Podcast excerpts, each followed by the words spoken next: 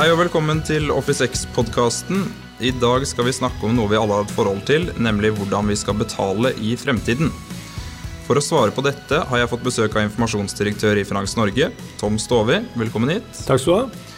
Tom har vært sentral i utgivelsen av Dine penger fra 1991 til 2013, og har vært ansvarlig redaktør her i mange år. Han er utdannet diplomøkonom fra BI, og i tillegg til det er han kjent for både sin store kunnskap innen økonomi og for sin gode formidlingsevne. Var det en intro du kunne stå inne for, Tom? Ja, Det var jo nesten så vakkert at uh, Ja, det, det, var for mye. Det var for mye? Ja. ja, ok. Men da hopper vi bare rett over til første spørsmål. Hvor lenge kommer vi til å bruke kontanter? Eh, jeg tror jeg må si at eh, vi er i ferd med å avslutte bruken av kontanter. Og de aller fleste av oss har faktisk sluttet å bruke kontanter. Eh, du si, hvis du ser på pengemengden i Norge, da, så er det røftlig 2000 milliarder norske kroner i omløp. 50 milliarder av dem bare er kontanter. Og en god del av de kontantene kan ikke Norges Bank gjøre redd for. Man vet ikke hvor de er. Eh, så det betyr at de ligger eh, nedgravd, bortgjemt et eller annet sted. Så antall kontanter i betalingsformidling er altså så lite nå at vi kan nesten si at Norge har blitt et kontantfritt samfunn, selv om det er noen som fortsatt bruker kontanter. Ja. Du merker jo selv òg, hvis du nå På 17. mai, f.eks. Ja, ja. Eh, det var jo ingen korps eller lag eller foreninger som ikke tok imot VIPS. Mm. Fordi de visste jo at folk ikke gikk rundt med kontanter i lommen lenger. Mm. Men når cash er så lite brukt, trenger vi da det? Og hvorfor kommer Norges Bank med en ny seddelserie om et par dager? Ja, altså Norges Bank har en oppfatning om at eh, kontanter er, eh, er, er viktig av flere grunner. Det ene er jo anonymiteten som ligger i selve det å uh, kunne bruke kontanter. Det er det en del som faktisk mener er viktig. Uh, det er også argumenter uh, som veldig mange anfører knyttet til at den digitale betalingsformen er mer sårbar hvis strømmen går eller altså et eller annet skjer. Mm. Eller vi får en krisesituasjon, f.eks.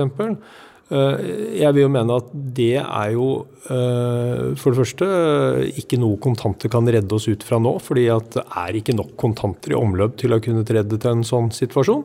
Og Dessuten så er det sånn at vi ser at når det er eh, kabelbrudd, så er det de digitale betalingsformidlingssystemene som faktisk er oppe og går, fordi det ligger eh, muligheter til å lagre kjøp i mm. kortmaskiner f.eks.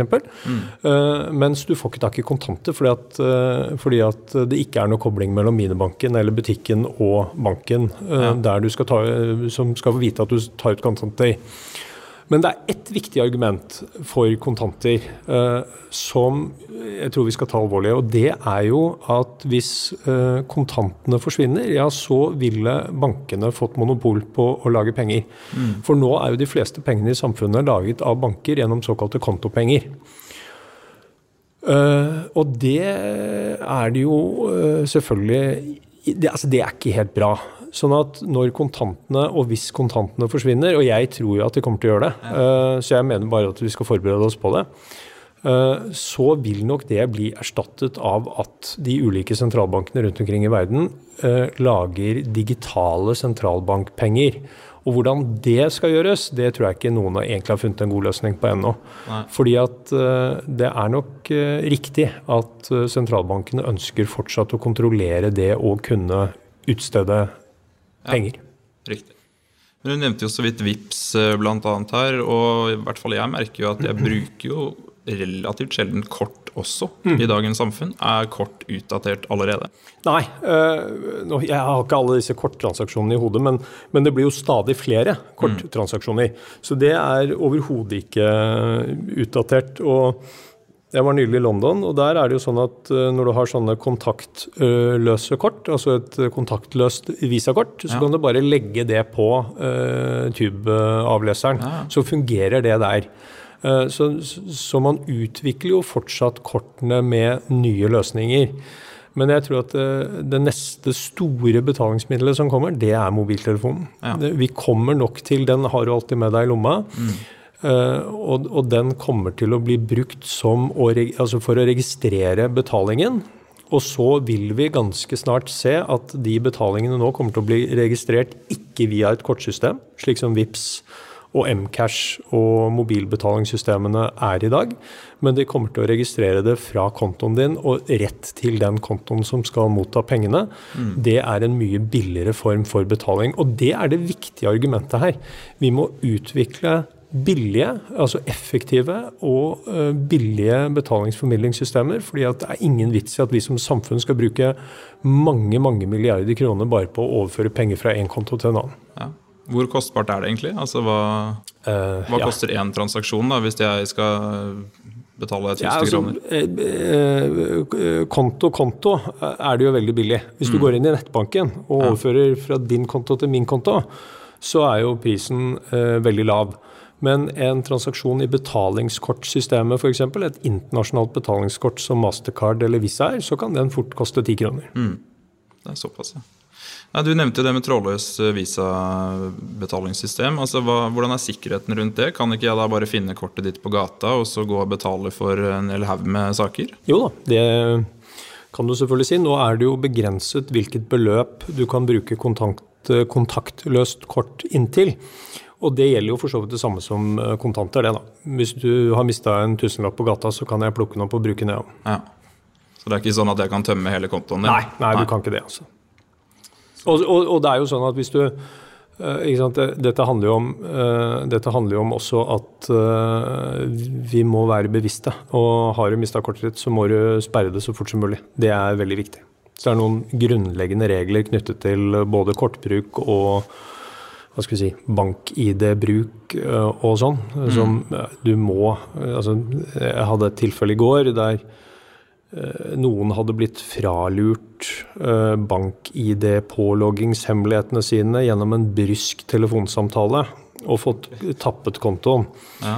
Uh, og da må jeg si at det er, det, er, det, altså det er, noen gylne regler her, og det må alle forholde seg til. Du må aldri gi bort til noen uh, verken kodene på kortet ditt eller bank-ID-påloggingshemmelighetene dine.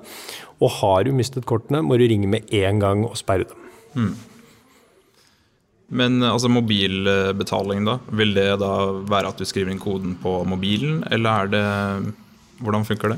Ja, altså, øh, Hvis jeg skal gjette på hvordan dette kommer til å se ut øh, litt lenger ned i løypa, så tror jeg det kommer til å bli sånn at du vil ha Uh, uansett hvilken app du er utstyrt med på mobiltelefonen din, eller hvilket kort du har i lommeboken, eller om du ønsker å betale med kontanter, og du har det også, så tror jeg du vil komme til kassen, og så vil du liksom få vite at uh, du skal betale så mye, og så vil kassen spørre deg vil du betale med sånn, sånn eller sånn. Og hvis du da sier jeg vil gjerne betale med mobiltelefonen, så uh, vil du antagelig få lov til å gjøre det hvis beløpet er under grensen for koder.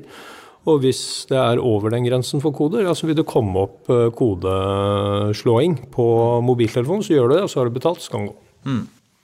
Så det er faktisk mulig at etter hvert, så bare ved at jeg har mobilen i lomma og kommer til kassa, mm. og den spør jeg Martin Fossum eh, OK, liksom, betal, mm. så kan jeg bare gå? Ja. ja. For små beløp så tror jeg vi kommer til å ende der ganske raskt. Ja. Og når jeg sier ganske raskt, så er det, altså det er jo vet, Betalingsformidlingssystemet er egentlig veldig avansert. Eh, det høres veldig enkelt ut, men det er det er en uh, dieselmotor som man ikke skal tukle altfor mye med. Uh, ikke sant? Fordi at det, uh, alle disse transaksjonene som blir gjort, da, fra deg til butikken og fra butikken til ti andre osv., osv., alt dette blir jo summert fem ganger om dagen. Mm. Så blir det da sendt til Norges Bank, der alle bankene har konto. Og så blir det gjort opp på bankkontiene om hvilken bank som skylder hvem penger. Mm. Eh, og så blir dette da gjort opp fem ganger om dagen. Og før det er gjort opp, ja, så er det jo den banken som uh, hvis, din, hvis, jeg har betalt deg penger, uh, så får, kan, må du få en beskjed om at nå har du retten til å bruke de pengene Tom har betalt deg. Ja. Men det er ikke sikkert at min bank har sendt din bank de pengene ennå. Så der ser man at det finnes en risiko for den banken som liksom du er i, som har fått beskjed om at du skal motta penger på din konto og gitt deg muligheten til å bruke dem. Mm. Uh, og alt dette er regulert av et avtalesett bankene imellom. Så, vi, så det å, og, og, dette er jo avtaleverk og et system som er utviklet over mange, mange år. Uh, og som fungerer veldig godt i Norge. I Norge har vi inntil ganske nylig hatt et av verdens mest effektive og billigste betalingssystemer. Vi har ligget langt i forkant. Mm. Men så har jo situasjonen blitt den at veldig mange andre land for eksempel, Beste eksempelet nå er jo Kina. Mm. Kina har på mange måter hoppet over den der PC-alderen og gått rett på mobiltelefonen. Så der har man jo utviklet en app jeg tror vi nok kommer til å høre mer om, heter Alipay. Mm. Uh, er et, liksom et univers av mange forskjellige ting. Kan bestille reiser og, og er også betalings, en betalingsformidlingstjeneste. Og du vet det finnes 1,4 milliarder kinesere. Disse, veldig mange av dem reiser en god del. Mm. Og Alipay har jo som mål å hjelpe kineserne ut i verden, der de enn måtte befinne seg. Mm. Og det er klart at Hvis det er 400 millioner kinesere da, som er uh, farter litt rundt omkring i verden, så har de et ganske stort marked. Og det er helt opplagt at uh, de også vil antageligvis uh, ønske å utvide markedsgrunnlaget sitt for sin betalingstjeneste. Ja. Så vi andre som konkurrerer med dette, vi må bare snøre på skoa og løpe så fort vi kan. Ja. Men de hoppet vel over kortet nærmest i Kina. Er det noe sånn, eh, altså er det noe fare ved å gjøre det? Har, har ikke det gått litt fort? Det tror, nei, jeg, altså øh, Nå er jo, øh, nå er mange, av, mange av disse mobiltelefonbetalingstjenestene er jo bare et avansert betalingskort. For det som har skjedd i Hvis du tar VIPS da. Mm. Da man utviklet VIPS, så hadde vi ikke eh, i fellesskap i det norske betalingssystemet utviklet en mulighet for at du kunne via digitale, altså via mobiltelefonen og en app sende penger fra konto til konto, som er det billigste. Mm. Så i VIPS så må du legge inn da uh, visakortet ditt, uh, ikke sant? og da går transaksjonen egentlig gjennom kortsystemet. Ja. Egentlig. Og det er det man betaler for. Ja. Eh, men nå kommer vi nok til å se ganske raskt at eh, det implementeres konto til konto i uh, f.eks. VIPS, som jo da blir mye billigere og, og, mye mer effektivt enn sånn som vi holder på i dag. Ja. Så så til spørsmålet ditt, er det en fare ved å hoppe over? Nei, jeg tror egentlig ikke det. fordi jeg tror at mobiltelefonen kommer til å være liksom, den vinnende devicen i det litt sånn mellomlange bildet. Mm. Hva som kommer etter der igjen, det kan man jo bare spekulere i. Ja. Vi hopper litt over til noe litt annet, nemlig bitcoins. Uh, er det en god løsning? Og, og, hva er egentlig en bitcoin? Ja, um, uh, uh, vi, vi, snakket om å lage penger i sted. Mm. Eh, ikke sant? Altså, eh, fra tidenes morgen så har vi brukt ulike former for betalingsmidler. Vi har brukt skjell og fine fjær og tulipanløker og stein, og så etter hvert edlere metaller. Så begynte vi å prege mynter på edlere metaller. Så var det noen som fant opp at man kunne bruke papirlapper og skrive at 'jeg skylder deg så og så mye penger', og så liksom begynte vi å produsere penger på papir osv. Og, og så knyttet vi uh, disse sedlene og myntene til en eller annen verdi, uh, etter hvert gullet som lå i sentralbanken, før man liksom senere bare uh, har kommet dit at nå er det bare min tillit til at den hundrelappen er verdt 100 kroner, som gjør at jeg tror, og at du tror, at den er verdt 100 kroner. Mm. Uh, og uh, nå, Hva var spørsmålet? Bitcoin. Bitcoin. Ja, Bitcoin, ja. Det, men, men, inntil nå, da, inntil liksom sentralbankene mm. De ulike landene fikk sentralbanker. Den første er jo den svenske sentralbanken tilbake på 1600-tallet. Ja. og så er det jo sentralbanken i de ulike landene som har laget og hatt monopol på å lage penger. Så har vi fått banksystemet som lager penger. Og så kommer jo bitcoin som en anarkistisk reaksjon til finanskrisen. Det er jo sånn den oppstår. Eh, fordi eh, de som laget bitcoins, stolte ikke på finansvesenet lenger. Eh, så brukte de et dataprogram som bruker teknologien distribuerte databaser for å utvikle verdien på én bitcoin, sånn at de som var med på dette, skulle tro at den hadde en eller annen verdi. Eh, mitt ankepunkt mot det å privatprodusere valutaer er at jeg mener de har begrenset tillit. Du må tro på prosjektet, ikke sant? Og vi ser jo hvordan kursutviklingen på en bitcoin har vært siden starten. Den hopper jo opp og ned. Dette kan vi ikke leve med, og det tror jeg er det tror jeg er det store problemet for den type Jeg kaller det privatproduserte kryptovalutaer. Mm. De er altså ikke underlagt noe offentlig kontroll.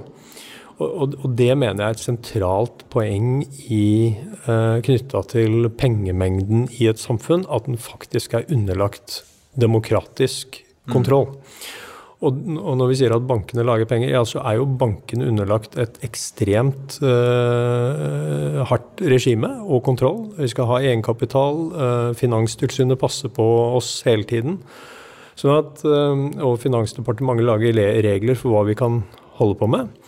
Så, så, så jeg, jeg, er veldig skeptisk til fremveksten av den type kryptovalutaer, eh, rett og slett. Jeg liker, eh, jeg liker, at eh, noe så viktig som penger er under statens kontroll. Ja, Men er, altså er, det sånn hvis jeg kjøper meg 70 eh, bitcoins, da, kan jeg bruke de til noe? Eller er det bare at jeg må Ja da. Altså ja, altså Så lenge noen tror det er verdt øh, vekslet om i en annen valuta, det samme som de selger kaffekoppen til i sin lokale valuta, ja, så kan du selvfølgelig bruke den. Og vi ser jo at øh, enkelte steder tar imot dette. Ja, Skandiabanken har vel åpnet for det? Ja, nei, de har ikke åpnet for å ta imot. Det de har åpnet for, er at du kan få lagt inn verdien av de Altså du kan få lagt inn bitcoin-walleten din inn i nettbanken, men så vidt jeg skjønner, så kan du ikke bruke den derifra. Eh, det er rett og slett bare en oversikt over at du eier en wallet med bitcoin på. Mm. Men eh, det som er sant, Det er et viktig poeng at dette stammer fra en slags motstand mot det internasjonale finansvesen. Og det er jo mange grunner til å være mot det internasjonale finansvesenet, men, men følgen av det var at man laget en si, anonym valuta i bruk. Mm. Eh, og når vi ser nå hvordan den blir brukt, f.eks. i det mm, ransomware-angrepet som vi hadde for noen uker siden, da 200 000 datamaskiner verden over blir infisert, så er det betaling med bitcoin som gjelder. Mm. Og da kan man jo spørre seg hvorfor det? Den viktigste grunnen til det, det er jo at dette er en anonym valuta de internasjonale politimyndigheter som prøver å finne bakmennene mot, uh, som driver med dette her, fordi det er et mareritt verden over, de får ikke tak i dem fordi de ikke kan følge pengene. Ja, ikke sant. Nei, det er interessant, men også litt sånn uh, shady eller skummelt. Kanskje? Ja, altså, ikke sant. Hvis, du kan si, hvis jeg forsøkte å introdusere en, en eller annen valuta jeg hadde funnet på, ja, så kunne jo den bli brukt, den, hvis folk trodde at den hadde noe verdi. Mm. Men jeg, jeg, mener det er det at du ser bitcoin-kursen kan falle 10% i løpet av natta og stige 10 eh, dagen etter, viser jo at det er eh, i hvert fall stor grad av usikkerhet knyttet til om dette er et betalingsmiddel du egentlig bør ha i lommeboken. Altså. Ja. Det er klart, Jeg vil jo ikke at lønninga mi skal være verdt noe dagen før og noe annet dagen etter. Det er helt riktig. Godt poeng. Og da stoler jeg mer på sentralbanksjef Øystein Olsen og banksjef Rune Bjerke enn noen anarkistiske krefter som ingen vet hvem er. Ikke sant. Ehm, det fins en del andre betalingsløsninger som kommer for fullt nå. altså Andre aktører, da, om man kan kalle det det. Og Facebook annet har lansert en betalingssak med Messenger i, i USA. Hva, altså, er, det bra, eller hva Kan du snakke litt om det? Altså. Ja, Uh, og, og, og, da kom vi ikke unna å snakke om uh, favorittemaet i bankkretser these days, nemlig PSD2. Ja. Uh, det står for Payment Service Directive 2. Mm. Uh, og det har sitt utgangspunkt i Jeg sa i sted at Norge har hatt, har, ligget langt foran å ha effektive betalingsformidlingssystemer, uh, og billige. Det har man ikke hatt i EU. I EU så har det vært dyrt, og det har tatt lang tid å sende penger fra én bank til en annen over landegrensene. Dette syns Europakommisjonen, EU-kommisjonen, eh, e var Dette kunne de ikke sitte og se på. Så de sa at hvis ikke bankene klarer å lage et bedre system, ja, så får vi slippe til andre aktører. Mm. Og dermed så satte de seg ned og skrev PSD2. Mm. Og det det direktivet sier, er at alle som har konsesjon, skal få lov til å bidra i eh, ta en bit av betalingsformidlingsmarkedet for å gi bankene konkurranse. Uh, og dermed så har det da dukket opp uh, flere og flere aktører. Nå er ikke dette direktivet trådt i kraft ennå. En god del av de uh, aktørene som vi har sett i Europa, har jo slått seg opp på å formidle penger til spillselskapet på Malta. Men også nå etter hvert tatt, gjør veldig mange andre ting. ikke sant? Så driver med helt legal og betalingsformidling på, på vanlig måte. Eh, men det som nå kommer til å skje, når man åpner opp for dette, så er det mulig for alle aktører å søke om konsesjon for å uh, få lov til å drive med betalingsformidling. Så vi må anta at konkurransen i det markedet kommer til å bli sterkere. Mm. Og da er jo spørsmålet hvilke aktører liksom tror vi kan komme til å komme. Eh, du nevner Facebook. Ja, de har fått bankkonsesjon i EU, i prinsippet. Mm. Uh, og de uh, driver med vennebetalingstjeneste i USA, så det er klart det er jo likely at de kommer. Google Pay må man vel også anta på et eller annet tidspunkt kommer. Apple Pay må man anta liksom også blir en spiller på det europeiske markedet. Så det er en lang rekke aktører som sitter klare i startgruppe og ønsker å utvikle tjenester på dette området. Så det kan skje veldig mange spennende ting her. Men det jeg kan love, er at det er jo ingen banker som sitter og lener seg tilbake og tenker at uh, dette har vi vunnet. Så Nei. jeg tror nok uh, veldig mange av oss kommer til å bruke bankens tjenester også etter at det kommer nye aktører inn. Ja. Fordi, og, og, det er interessant. Fordi, eh, la oss snakke om, eh, Jeg har snakket litt om tillit. Tillit er så viktig knytta til penger. Du skal ha tillit til at noen kan ta vare på pengene dine. At de er sikre, trygge, ingen får tak i dem når de står på kontoen. Mm. Og du skal ha tillit til at den du ber om at skal overføre penger fra min konto til din konto, faktisk gjør den jobben billig, effektivt og skikkelig, og ikke selger informasjonen om den transaksjonen til noen andre. Ja, for at altså Facebook og Google og sånt lever jo egentlig av å selge informasjon. Gjør det, ikke det? Det er helt riktig. Google og Facebook, eh, altså de, de, fire store, Amazon, eh, Apple, Google, eh, Facebook, lever jo egentlig Kanskje ikke så mye Apple, da har jo solgt en del produkter. Men de andre lever jo av å selge og høste informasjon verden over som de utnytter i en eller annen sammenheng. Informasjon om deg.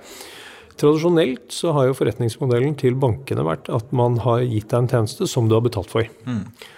Uh, og så kommer jo da, og, og, det er kanskje noe av det mest interessante som kommer til å skje i dette markedet fremover, nemlig hvordan den forretningsmodellen vi skal høste informasjon, altså vi, man tradisjonelt kommer derfra, som vi skal selge eller bruke på en eller annen måte, og eh, den tradisjonelle bankforretningsmodellen. Vi høster ikke informasjonen og selger den ikke, og diskresjon gjelder. Når, når, de to ulike tenkesettene møtes, så kan det jo oppstå mange interessante ting. Mm. Jeg håper jo at eh, bankmarkedet fortsatt holder på det som har vært liksom den tradisjonelle måten om at man tar vare på og passer på å ikke spre informasjon. Hvis du bare tenker gjennom det ikke sant? Hvis, altså Én ting er hva du klikker på på nettet eller leser på Facebook, eller et eller annet sånt, og så plutselig begynner en masse annonser å følge etter deg. Tenk om man kunne fått lov til å gå gjennom kontoen din og sett hva du faktisk bruker penger på. Mm. Det er klart, det er jo utrolig bra informasjon hvis du ønsker å selge meg en tjeneste. Eh, så jeg håper at vi ikke kommer dit at dette blir fritt tilgjengelig altså for alle næringsaktører i markedet. Jeg tror ikke det vil være bra for noen, og jeg håper at folk liksom tenker gjennom den problemstillingen i, liksom når vi nå eh, kommer til å møte et helt annet marked. Mm. Men EU har gjort noe her òg. De kommer med en ny personvernforordning som gjør at det, man strammer inn både hvilken informasjon du skal få, når du deler informasjon, eller når jeg, når jeg, får vite informasjon om deg, så skal du få vite av meg hvordan den kan bli brukt, og du skal skjønne hva den kan bli brukt til, og hvordan den blir lagret, og når den blir slettet og sånn. Så det er jo mulig at vi klarer å legge en begrensning på hva en del sånne aktører som har lyst til å spre den dataen, kan få lov til å gjøre. Ja. Eh, men, men, men, som sagt, det, det, ligger litt lenger ned i løypa. Mm. Nei, men Veldig interessant. Helt uh, til slutt, hva, altså, hvor raskt tror du ting skjer nå? Hva kan vi forvente oss om 5-10-15 år? Ja, det er et godt spørsmål. Jeg tror at, jeg tror at vi kommer raskt til å se at mobiltelefonen blir en mye mer aktuell device i betalingsformidling. Jeg tror kort kommer til å bestå som en viktig form å betale med eh, ganske lenge. Jeg tror at vi kommer til å se en stadig mindre bruk av kontanter.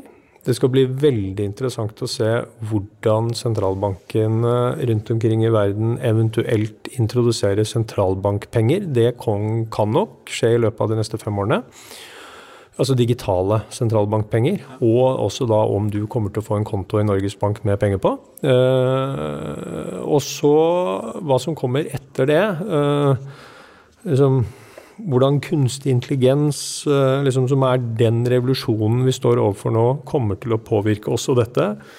Det tør ikke jeg å spå om. Det kan jo tenkes at vi om fem år allerede har en mikrochip i fingeren som vi bruker til å både fortelle hvem vi er og betale med. Altså. Hva mm. vet jeg. Men nå er vi over i altså, Hvis du hadde sagt dette for ti år siden, så hadde det vært science fiction. Nå er det kanskje mer sannsynlig. Ikke sant. Ikke sant. Nei, men Tusen takk for at du kunne komme hit i dag, eh, Frans eh, Norges informasjonsdirektør Tom Stovi. Takk skal du ha. Eh, følg oss videre på eh, Facebook, OfficeX eller www.officex.no. Vi ses igjen til neste uke.